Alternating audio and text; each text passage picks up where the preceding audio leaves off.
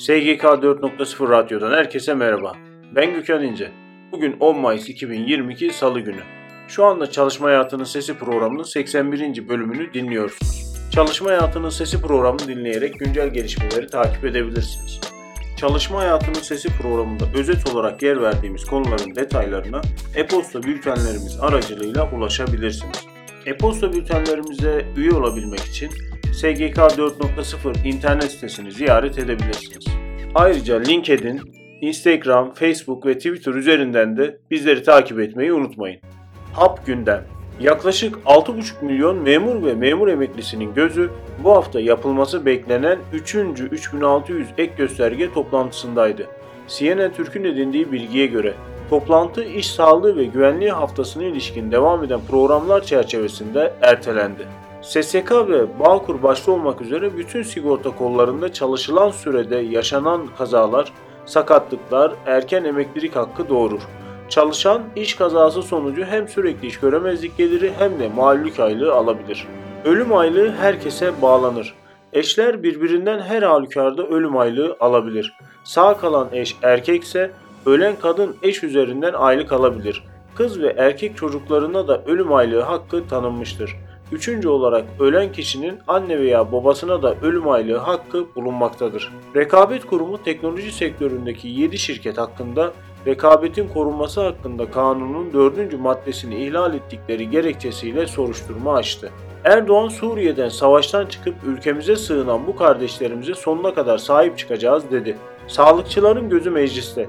Çok sayıda düzenleme hayata geçecek, sağlıkçıların gözü kulağı mecliste. Mali haklarda ve çalışma şartlarında iyileştirme öngören düzenlemeler yasalaştırılacak. Önce şiddet cezalarını ağırlaştıran teklif, ardından maaş artışlarına yönelik düzenleme meclisten geçecek. Çalışma ve Sosyal Güvenlik Bakanlığı'nın madencilik sektöründe iş sağlığı ve güvenliğinin geliştirilmesi projesi kapsamında 28 ilde 10 bin madenci için sağlık gözetimi başlatıldı. Projenin ilk uygulaması Kütahya'nın Domaniç ilçesindeki Bozdağ madencilikte gerçekleştirildi. Madende çalışan 240 kişinin röntgenleri çekilerek hekimler tarafından muayeneleri tamamlandı. Ayrıca çalışanlar solunum fonksiyon testleri, kan tahlilleri, toksikoloji testleri ve işitme testlerine tabi tutuldu. Araştırmalar ve raporlar Diske bağlı Birleşik Metal İş'in Araştırma Merkezi BİSAM, metal işçilerinin mesleki sağlık riskleri ve sağlık durumları saha araştırması sonuçlarını bir rapor olarak önceki hafta açıkladı.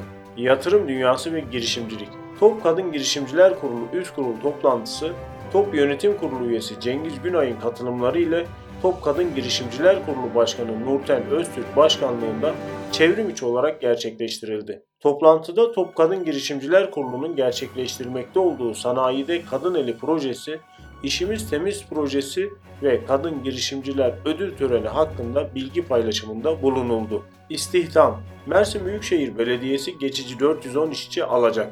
Emniyet Hava Lojistik personeli alacak. Sempozyum, etkinlik ve eğitimler 14 Mayıs 2022 tarihinde kişisel verilerin korunması semineri düzenlenecektir.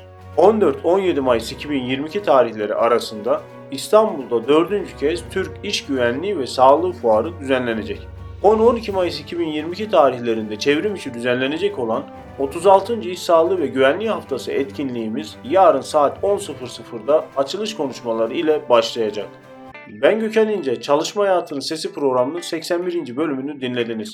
SGK 4.0 Radyo'yu dinlediğiniz platform üzerinden takip etmeyi, beğenmeyi ve bildirimleri açmayı unutmayın. Programımızda yer verdiğimiz gelişmelerin detaylarına erişebilmek için e-posta bültenlerimize üye olabilirsiniz. E-posta bültenlerimize üye olabilmek için SGK 4.0 internet sitesini ziyaret edebilirsiniz. Ayrıca sosyal medya hesapları üzerinden de bizleri takip etmeyi unutmayın. LinkedIn, Facebook, Twitter ve Instagram üzerinden bizleri takip edebilirsiniz. Bir sonraki yayında görüşmek üzere.